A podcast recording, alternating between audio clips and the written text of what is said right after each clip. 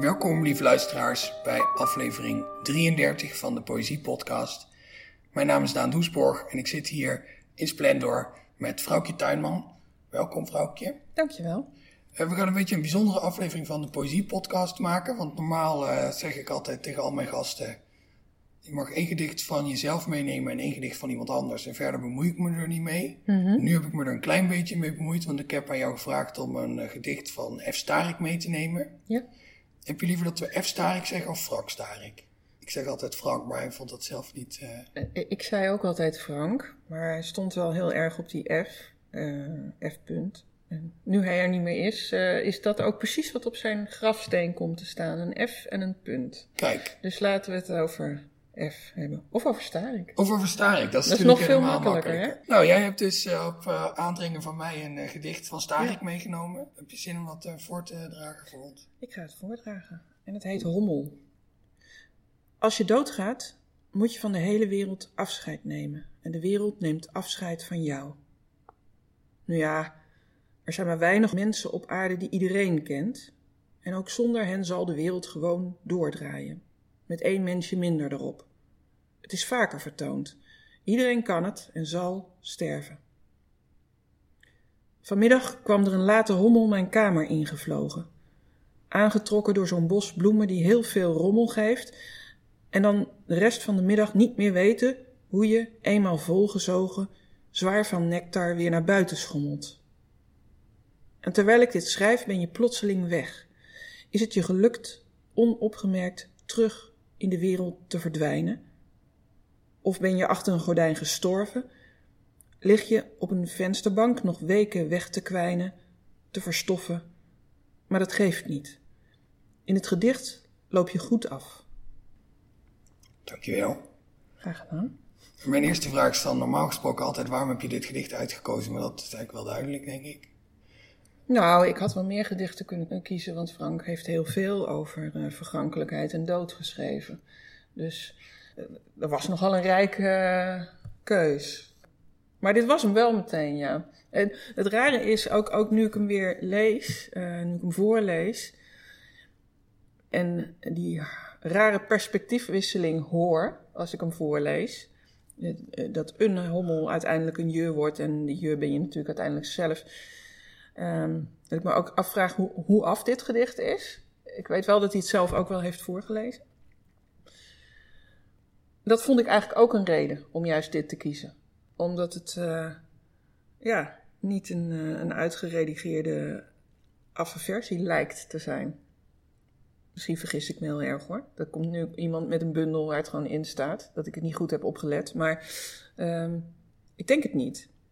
Want jij het gewoon ergens uit een laag geplukt. En, uh... Hij heeft het mij gestuurd toen hij het schreef. En heeft het later nog een keer aan de uitgeverij gestuurd. Als een fragment uit een boek wat hij aan het maken was. Want hij was ja, zo drieënhalf, vier boeken aan het schrijven op het moment dat hij overleed. En het, het is ook een situatie die heel sterk met mij te maken heeft. Uh, die bos bloemen die heel veel rommel geeft, die had ik hem gebracht.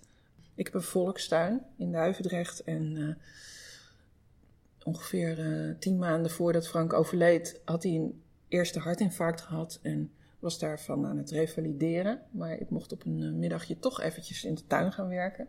En uh, toen had ik daar een geweldige bos, ja, bermachtige bloemen meegenomen. Echt van die, ja, inderdaad superveel rommelgevende, heftige, felle bloemen waar... Nou, hij zette ze neer, hij was heel blij mee. En ze stonden er één minuut en hij had de eerste insecten al binnen. Die blijkbaar door Westerpark waren gekomen van, oh, maar nou is hier iets. En zo is dat toen een week gebleven met die bos. Hij had daar heel veel lol mee. Dus, uh, dus ik vond het heel erg leuk. Ja, om dit gedicht maanden later weer terug te vinden. Van, oh ja, zo was het. Zo is het natuurlijk ook gewoon met... Uh, als je over elkaar schrijft hè? en over mekaars belevenissen waar je half bij was of helemaal bij was. Het, het, is ook gewoon dat een ander een soort van een dagboek heeft gemaakt van iets wat je zelf blijkbaar niet de moeite waard vond om op te schrijven. Dus. Zag je jezelf veel terug in uh, zijn gedichten? Of, of Ja. meer op zo'n indirecte manier? Want hier zit natuurlijk niet iemand in die jij bent. Nee. Maar door die bosbloemen dan zie Ja, en ik was, schaduw er een beetje overheen. Ja, en ik was daar toen heel veel, want hij, hij kon nog niet zo heel veel zelf doen. Dus ik was daar veel, ik, ik, heb, ik heb veel met die bosbloemen meegemaakt, zeg maar. Dus, ja, nee, dat gebeurde heel veel. Wij kwamen heel veel voor in mekaars eh, werk, direct en indirect. Ja, absoluut. En, eh, of dingen die wij samen hadden meegemaakt en gehoord. Eh, hij heeft bijvoorbeeld een bundel uitgebracht die heet Door. Nou, Door hebben wij nou, eigenlijk nooit ontmoet, maar door kwamen wij tegen in onze eerste of tweede vakantie. Waren wij op Schiermonnikoog met z'n tweeën en het was echt zo'n hele romantische, kokonachtige week eh, dat je elkaar net leert kennen. En wij, lagen wij vonden alles best, zeg maar. En we lagen op een strand waar het gewoon niet warm was en, eh, en heel winderig. En, eh, en trouwens, het was eigenlijk ook net de verkeerde kant van het eiland, dus het was geen superstrand. En toen liep er een, zo'n bakfiets, oudersachtig gezin, liep er het strand op. En die man, die zei, door, dit is geen strand. En daar hebben wij, nou, 14 jaar, 15 jaar lol om gehad. Op door, dit is geen strand. En dat breidde zich ook uit naar door, dit is geen dit en dit is geen dat. En dan, eh, en dan komt dat na acht jaar of zo ineens in een gedicht terecht. Of in dit geval in een hele bundeltitel. En ja, dat is gewoon wel heel fijn om op die manier in elkaars werk helemaal niet voor te komen. Maar het is wel heel erg eigen. Ja, Het lijkt me ook een hele interessante manier om iemands oeuvre te leren kennen. Omdat je Ja. Eh, vanuit hetzelfde referentiekader zie je, zie je hoe hij dat dan op een andere manier Ja. aanpakt en weergeeft. ja. en ik lees er natuurlijk ook iets totaal anders in dan al die mensen die niet op dat mislukte strand lagen. Maar, eh, en het staat ook op zichzelf, maar ik, ik vind ja, dat is wel heel mooi. En dat had hij andersom ook. Dus ook als ik een roman schrijf, en ik bedoel, mijn laatste roman was een soort van historische roman, maar ook daar zitten gewoon weer dingen van ons in. Ja, ja, dat is wel mooi. Dat mis ik. Ja. Frank heeft heel veel over de dood geschreven, en dan zeg ik Ja. toch Frank. Is, is dit gedicht dan ook wel een beetje typisch voor de manier waarop hij dat thema aanpakt? Of eh, doe ik nu alsof al die gedichten op elkaar lijken, terwijl dat helemaal niet zo is? Nee, ze lijken niet allemaal op elkaar. En hij heeft ook een paar genres van schrijven over de dood. Wat wel typisch Frank, denk ik, is, is dat het een, een achterloos soort sterven betreft. Die hommel, die is er eerst met veel aplomb in zijn huis. En nou, op een gegeven moment is hij er blijkbaar niet meer. En misschien is hij weg, misschien is hij dood. Het maakt eigenlijk ook helemaal niet zoveel uit. En ik denk wel dat dat heel typisch is voor Frank zijn werk. En ook gewoon zijn werk in de zin van zijn beroep als eenzame uitvaartleider. Hij had een groot oog voor de niet spectaculaire kant van de dood. En we zien op televisie en in de kranten zien we natuurlijk en horen we meestal de, de uitspringers. Terwijl hoe het meestal gaat is een beetje lullig. Van, oh, oh, nou, dat was hem dus. En eh, dat was bij hemzelf uiteindelijk ook zo. En nou, ik vind het mooi dat dat beschreven wordt. En dat je dat dan ook nog toch weer wel een dramatische lijn geeft. En je zou het gedicht melancholiek kunnen opvatten. En je zou het ook juist louterend kunnen opvatten. Van ja, het is ook allemaal niet zo belangrijk. En ehm, ik vind dat zelf heel fijn. Het gedeelte dat de dood niet dat je hem niet persoonlijk hoeft te nemen. Ik vind dat zelf heel prettig. Niet iedereen heeft dat, maar, maar voor mij zit dat ook in het gedicht. Ja. En ik denk dat. eh, Nou, hij stond, eh, en Frank stond daar dubbel in. Die kon wel veel meer dan ik. Wel echt boos en verdrietig zijn bij bepaalde doden. Vo- Vooral boos ook. Nou ja, dan schreef hij dan een ander soort gedicht over. Ja, ja. Ja. Het is eigenlijk ook een heel lief gedicht natuurlijk. Omdat aan het einde zegt hij ja, omdat dit een, eh, een gedicht is. Dan hoeft het natuurlijk ook helemaal allemaal niet zo te zijn. Nee, het loopt af. Hij, hij, hij neemt geen beslissing over waar dat dier gebleven is. En het loopt sowieso goed af, want hij heeft het vastgelegd. Het bestaat. Eh, zelfs nu hij er niet meer is, bestaat het weer omdat wij erover praten. En ehm, door er naar te kijken, door het waar te nemen en, het, en de moeite te nemen om het wel vast te leggen, loopt het al goed af. Ja, dat is mooi toch? Dat is ook mooi aan poëzie. Ja, dat vind ik ook. En ik weet niet in hoeverre. Kijk, hij schreef dit. Het is een van de eerste dingen die hij schreef na zijn uh, infarct. Natuurlijk gaat dit over zijn eigen sterfelijkheid. Maar. We hebben het er nooit op die manier over gehad, over dit gedicht. Maar ik vind het in die zin ook wel weer troostend dat hij niet. Hij had ook een gedicht kunnen schrijven van Godverdomme waarom. En uh, hij verplaatst het naar een hommel die binnenvliegt en, en dat het ook nog goed afloopt. Ja, vind ik ook mooi. Ja, het is een beetje nikserig hoe ik het nu vertel, maar... Nou, dat vind ik niet. maar heeft hij die, heeft hij die kwaaie, gefrustreerde gedichten dan niet ook gemaakt? Of was het echt gewoon zijn houding? Uh, ik heb nog niet alles gelezen. De gefrustreerde kant zit wel heel erg in, uh, in de proza. En in het boek wat nu gaat verschijnen ook, klaar. Waarin hij toch wel ook uh, bij vlagen erg boos op de situatie is. Van, ja, godverdomme, ze moeten voor mij zorgen. En uh, ik voldoe niet meer. En hij ervaart zich op een gegeven moment erg als oud en, oud en ziek en mislukt, zeg maar. En is daar echt wel boos over, ja. ja. In hoeverre dat is van, dat had mij niet moeten overkomen. Ja, god, het is nou helemaal zo. Maar ja, het was nog niet iets waarbij hij zich had neergelegd. Dat niet, nee. En was er ook heel verbaasd over. Uh, met name de eerste tijd nadat hij uit het ziekenhuis kwam, was hij, geloof ik, toch wel elke dag weer verbijsterd dat het echt zo was. Kijk, in je hoofd ben je dan uh, ben je niet een man van 59 met een serieus hartprobleem die doormidden is gezaagd om hem te repareren. In zijn hoofd was hij dat niet.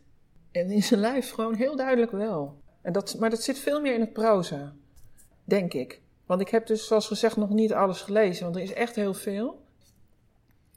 Hij is ongelooflijk productief. Hij was altijd heel productief.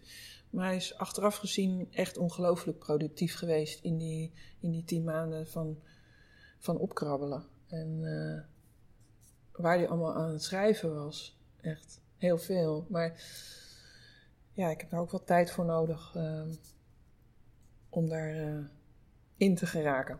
Het is eigenlijk ook wel logisch misschien natuurlijk dat als je die, die twee gevoelens in jezelf hebt. Aan de ene kant, nou ja, dit is nou eenmaal, eenmaal gebeurd en, het, en het, het leven gaat door. En aan de andere kant, hè, verdomme, dit zit ik er maar mooi mee. Ja. Ik kan me wel voorstellen dat je dan het ene gevoel in het ene medium en het andere gevoel in het andere medium ja, ik uitstort. Ook. Ik ook, omdat ik zelf ook zowel proza als poëzie schrijf, dat herken ik ook wel.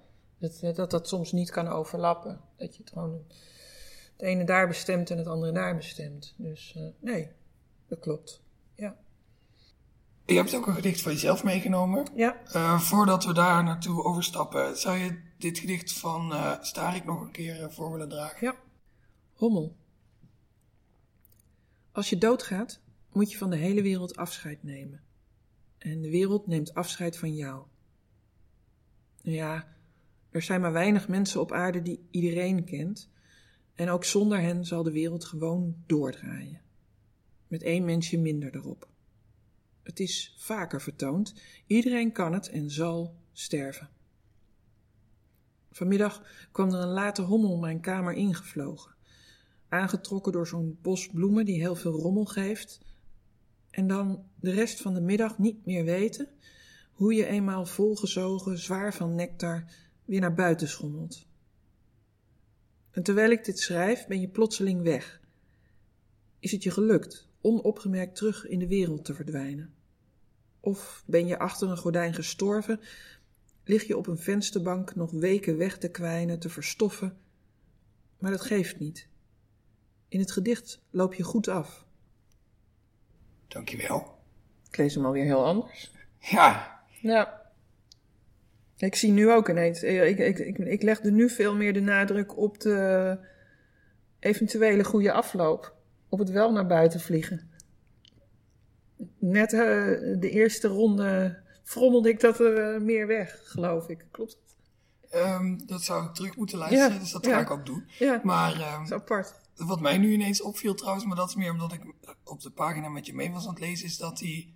Het gedicht heeft de, de, dat kunnen de luisteraars niet horen natuurlijk, maar heeft de structuur van een sonnet. Ja, En Ja. die, die perspectiefwisseling van die hommel die van de derde persoon naar de, naar de tweede persoon gaat, ja, zit ook keurig, ja, bijna schools, eh, precies op de plek waar die hoort, na de achtste regel. ja. En die achtste regel is heel dubbel. En dan de rest van de middag niet meer weten hoe. Dat kan over beide personages gaan, over hem en over de hommel. Ja, ja we moeten dit toch maar even op papier uitbrengen. Hè? Ja, ik denk het wel. Ja. Er zit niks anders op.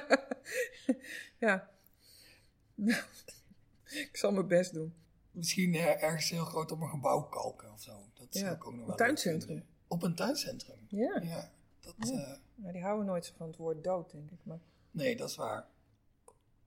Eh, Je hebt ook een gedicht van jezelf meegenomen. Ja. En ehm, En het gaat over Frank. Ja, precies. Ja, ik, ik moet zeggen, wel, ik had dit idee om deze aflevering te maken.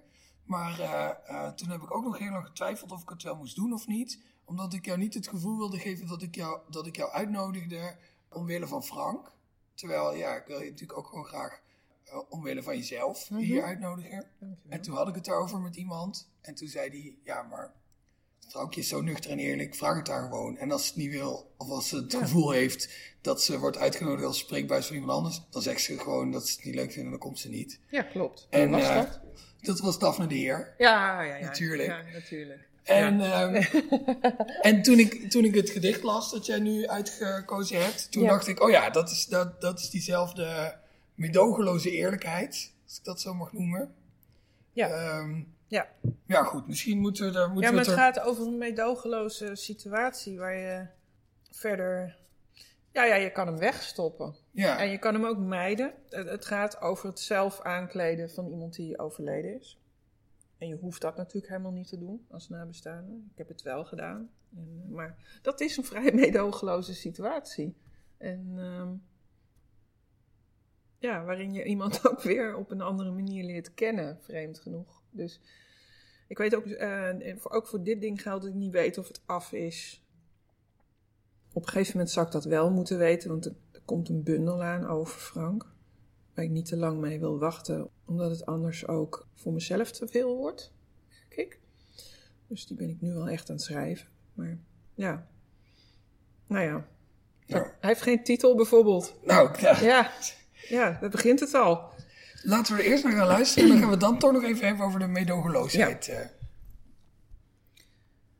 Er stonden misschien wel veertig paar schoenen in je kast. Ik heb ze niet geteld. Ik heb slechts gekeken tot ik een stel zag dat wel paste bij je uitvaartpak. Je uitvaartpak. Het pak waarmee je naar begrafenissen ging en dat je dan daarna weer terug thuis in de gang weer uittrok. Nu kleden wij je aan. Zoveel lagen. Een luier, waarvan de randjes frivol uit je onderbroek staken, een wit hemd. Ik leer jullie een truc, zei een man. Je steekt je eigen armen door de mouwen en die van hem de lucht in. Het hele ding glijdt omlaag op zijn borst en dan hoef je alleen, doe het maar, zijn hoofd omhoog, de weken schouders komen mee en klaar. Daarna een overhemd, het allerwildste, dat desondanks gestreken moest. Ik had een strijkbout mee, maar geen plank, maar er was een kist en die was glad. Een vest. Is dat nodig? Doe maar, doe dat vest, anders klopt het niet met het uitvaartpak. Al die knoopjes. Toen een broek, waar niet echt een truc voor is, behalve dan je handen goed stevig in de billen planten en trekken maar. Een jasje. Steek eerst je eigen armen en dan de zijne. Hoe vaak moesten we je nog door elkaar schudden? Hoeveel knopen moeten van de etiketten dicht in een kist? De sokken. Die met de doodshoofden erop. Je had een hekel aan je tenen, die ik zo graag zag. En nu vergat ik vanwege de stroeve stof, de stijve linkervoet, de handen naast de mijne die zoveel sneller gingen met de rechtse, om te kijken. Ik heb geen kinderen, zei ik. Hoe trek je iemand schoenen aan? Is er een truc? Je schopte ze niet uit. Dankjewel. Het is natuurlijk inderdaad een medogeloze situatie. Je kan Ja. natuurlijk ook...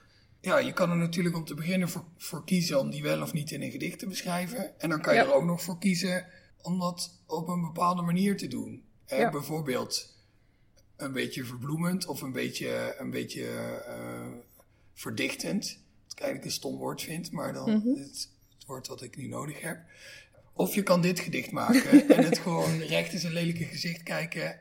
Het medogeloze moment dan. Mhm. En dan all out gaan in, eh, nou, zo was het. Ja, Op die manieren was het mooi, op die manieren was het kloten. ja.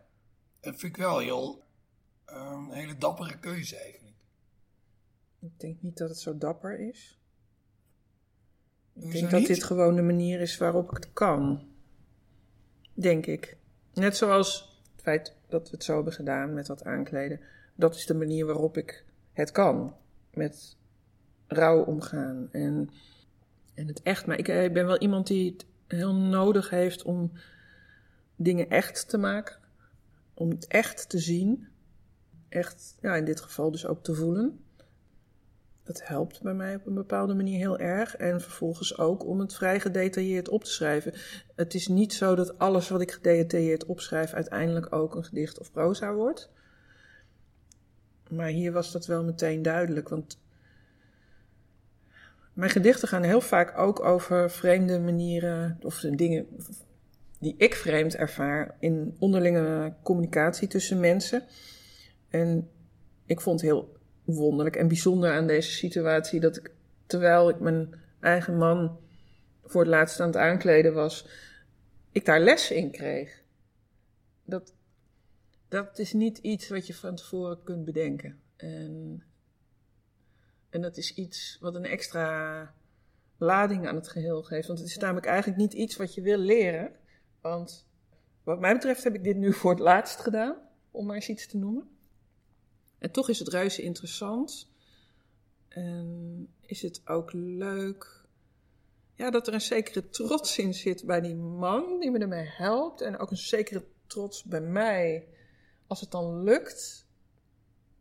Al dat soort processen spelen mee. En ook in dit gedicht. En, en, ja, en daarom is het meer dan alleen een situatie beschrijven voor mij.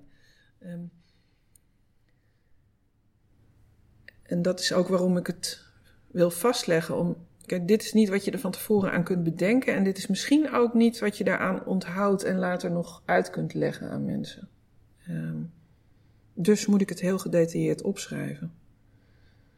Je verzint ook niet van tevoren dat er geen strijkplank blijkt te zijn en dat je daarvoor zijn kist gebruikt.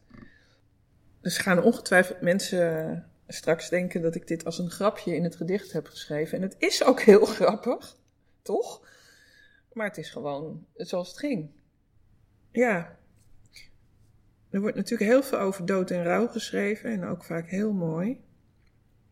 Maar ik mis, en dat is gewoon een persoonlijk gemis, ik mis vaak dit aspect ervan erin. Eh, hoe, hoe banaal en aards en stom alles ook gewoon is. Dit gedicht gaat, niet, gaat bijvoorbeeld niet over dat ik in het echt van voor naar achter ontzettend heb staan janken. Eh, er is heel veel snot van mij meegegaan in het graf. Het droopt er op een gegeven moment uit. Maar dat heb ik expres niet in het gedicht zitten. Dat is niet belangrijk voor het verhaal wat ik hier vertel. Dus misschien een keer een ander gedicht, weet ik niet. Maar ik wil hier gewoon vertellen hoe je iemand aankleedt die niet meewerkt. Ja. Ik vond het ook een heel uh, Starikiaans detail dat hij doodshoofdsokken aankrijgt. Ja. Uh, ja. Ja, maar dat moest toch wel. Ja, absoluut. Ik denk dat hij een stuk of drie, vier paar sokken met doodshoofden bezat. Ja, dat moest gewoon. Ja. Dat, uh, en dat hoef je dan verder niet uh, tijdens de plechtigheid ook nog te zeggen. Dat hoeft niemand te weten verder. Ja, nu, nu, heb ik het, nu zeg ik het in een podcast, dus nu weet iedereen het. Maar, maar dat moet gewoon. En, um, en ook inderdaad, zijn, hij had gewoon zijn uitvaartpak aan. Het pak waarmee hij in al die eenzame uitvaarten altijd deed. Ja, dat moest. Maar daar, daar moest dan wel een hemd bij. En dat zit ook in het gedicht. waar hij totaal geen uitvaarten mee deed. Maar wat gewoon echt zo'n zo'n podium uh, flitsend, uh, beetje ordinair. Ja, ja het, het, al die aspecten moesten wel mee. Ja. ja. Ja, die ken ik wel van hem inderdaad. Van die overhemden die eruit zien alsof ze van confetti gemaakt zijn. Ja, ja. een mooie zin. Die moet je eventjes opschrijven. Ga ik doen. nee, al die aspecten moesten mee. Ja, en, en die mochten ook gewoon wel in het gedicht zitten. Ja. Ik vond het uitvaartpak trouwens ook heel, uh, hoe zeg je dat? Goed ingezet. Klinkt een beetje calculerend over een gedicht als dit. Maar ik las die zin uh, waarin dat uitvaartpak uh, voor het eerst voorbij komt. Over zijn noemde dat gewoon Hij, zelf zo, hè? Ja, precies. Maar de, de eerste keer dat het woord voorbij komt, denk je, oh ja, uh, uitvaartpak, het, het, het, pak dat hij bij zijn uitvaart draagt. Ja. En dan in de zin daarna wordt het ja, geduid naar, oh nee, natuurlijk, het pak dat hij aandeed naar uitvaart. Ja, zijn werkpak. Ja, precies. Ja. ja, oh zo. Ja, nee, dat is wel bewust, ja. Kan ik nu heel makkelijk gaan beweren. ja, maar, dat sowieso. Ja. ja, zo gaat dus uh, die bundel worden, vrees ik. Ja, een, een gelijke delen medogeloze en uh, lieve bundel. Ja, of vind je het irritant dat ik de hele tijd het woord medogeloos Nee, nee, ik vond het een heel goed gekozen woord. Ik dacht nog, uh, god, dat hadden we op de achterflap moeten zetten. in de aanbiedingsfolder. Ja, maar uh, helaas. ik, weer. Nee, ik, ik vind medogeloos een heel passend woord. Het is, ja, het is niet allemaal omdat het dan gedichten zijn, is het niet allemaal maar poëtisch. Ja. Het is misschien ook een beetje de meedogenloosheid van de dood eh, met gelijke munt terugbetalen. Ja. Ja. Ja. Dus als jij maar rouw op mijn dak kan komen vallen, dan zal ik ook eens even rouw op jouw dak komen vallen. Ja.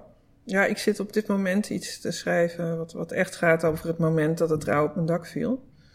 En dat is dan toch wel uh, nog weer een, uh, een stapje verder qua meedogenloosheid voor mij ook uh, om dat te doen. Dus, maar ik heb het ook nodig. Ik moet het weer zien, zeg maar. ook een gedicht of... Ja. ja. Maar die heb ik niet bij me. Dus, nee. Nee. Ja, daar ben ik stiekem ook wel een klein beetje blij om. Ja. Want, Dit is al erg genoeg, hè? Ja, het is ook wel een gedicht waarvan ik dacht, oké, ik, vind, ik vind het heel mooi. Ik vind het heel goed dat we dit gaan bespreken kan niet zeggen dat ik er zin in heb. Nee. Maar uh, ja. Ik ook niet. En dan heb ik natuurlijk nog gewoon eigenlijk makkelijk praten. Ja.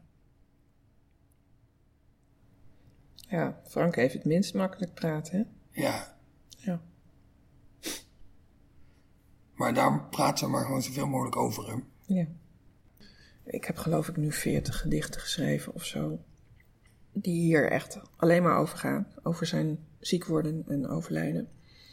Het wordt echt een heel feestelijk boek. Maar wat ik nu voor het eerst tegenaan loop. In 15 jaar hebben wij mekaars werk meegelezen en geredigeerd. In alle fases. En uh, ik heb nu zijn werk nog wel weer geredigeerd. Namelijk wat, wat, wat er nu nog lag en wat uitkomt. Maar ik zit nu. Uh, nou ja, ik wil niet zeggen met een vacature. Maar uh, ik merk ik zit nog steeds in het automatisme van. Uh, ik, ben, ik ben iemand die drie weken rondloopt met een beeld. Voor, en pas als, als het me heel erg um, gaat tegenstaan en ik er boos van word, ga ik het opschrijven. Als ik er last van krijg, zeg maar. En dan gaat het tegenwoordig heel snel. En dan stuurde ik het altijd meteen naar Frank. En dan uh, zei hij, uh, of hij was enthousiast. Um, of hij zei, uh, daar en daar zit een probleem. En dan zei ik, ja, dat weet ik ook wel. Maar nou ja, dat, al die dingen. En zo ging dat dan in de weken daarna heen en weer. En nu heb ik, uh, nou, dus inderdaad ongeveer 40 gedichten, denk ik, geschreven voor deze komende bundel. En, en die liggen nu te wachten. En dat is heel gek. En natuurlijk ken ik allemaal lieve mensen die ik ook op hun kritisch oordeel meer dan vertrouw. Daar gaat het helemaal niet om. Maar er mist wel iets. Ja. Notabene net nu het over hem gaat. Ja, ja. Nou ja, ja. die, eer- toen hij ziek werd, heb ik er een paar geschreven. En wel netjes aan hem voorgelegd ook. Van, hé, hey, ik ga dit misschien publiceren. Kijk even of je dat trekt. Nou, dat trok hij dus inderdaad heel slecht. Het mocht er gewoon zijn hoor, maar hij wilde het niet zien. Dus dat zou misschien dan met deze bundel ook zo zijn gegaan, voor het eerst. Maar eh, er voelt iets, eh, nou er voelt van alles incompleet, maar er voelt echt op redactieniveau nu iets heel incompleet. Ja, alsof we iets vergeten, iets overslaan. En eh, ik ben heel, heel benieuwd want, hoe ik daar dan de komende maanden mee verder ga. Ja. Misschien wordt het gewoon allemaal heel slecht. Eh, misschien wordt het juist heel goed. Misschien wordt het heel anders. Maar, nou ja, eigenlijk net als het hele leven. Ja. Ik heb daar nu geen idee van. En, eh, en dat is wel heel raar. Als je altijd die directe lijn met elkaar had. Ja. Nou ja, daar vroeg je niet naar. Maar ik vind ik wel een heel geschikt onderwerp voor de poëziepodcast. Ja, dat vind ik ook. Ja. Ehm,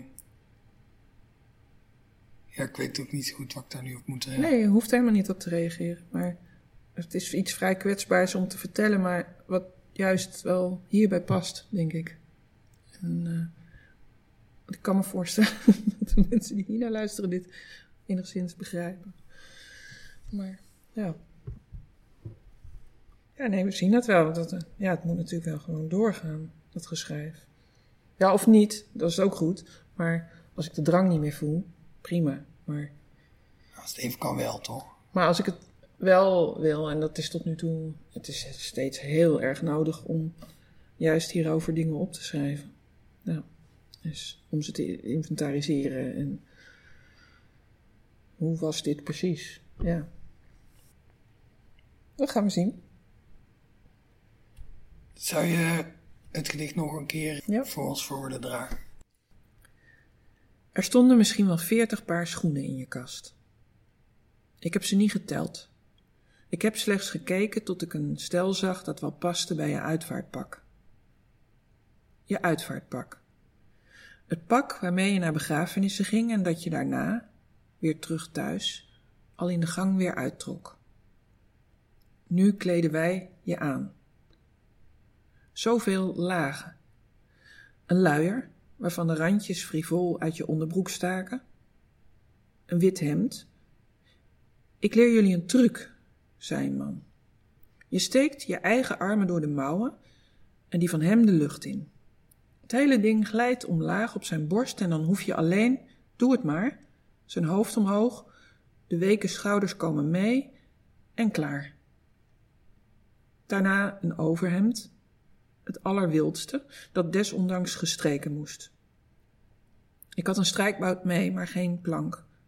Maar er was een kist en die was glad. Een vest. Is dat nodig? Doe maar, doe dat vest, anders klopt het niet met het uitvaartpak. Al die knoopjes. Toen een broek, waar niet echt een truc voor is, behalve dan je handen goed stevig in de billen planten en trekken maar. Een jasje. Steek eerst je eigen armen en dan de zijne. Hoe vaak moesten we je nog door elkaar schudden? Hoeveel knopen moeten van de etiketten dicht in een kist? De sokken. Die met de doodshoofden erop. Je had een hekel aan je tenen, die ik zo graag zag. En nu vergat ik vanwege de stroeve stof, de stijve linkervoet, de handen naast de mijne die zoveel sneller gingen met de rechtse, om te kijken. Ik heb geen kinderen, zei ik. Hoe trek je iemand schoenen aan? Is er een truc? Je schopte ze niet uit. Dankjewel, Graag gedaan. vrouwtje Tuinman. Dankjewel, F. Starik. Ja, Dit was aflevering 33 van de Poëzie Podcast. Die wordt gemaakt door mij, Daan Doesborg, in samenwerking met de Stichting Literaire Activiteiten Amsterdam en Vrij Nederland. En die wordt opgenomen in het prachtige Splendor.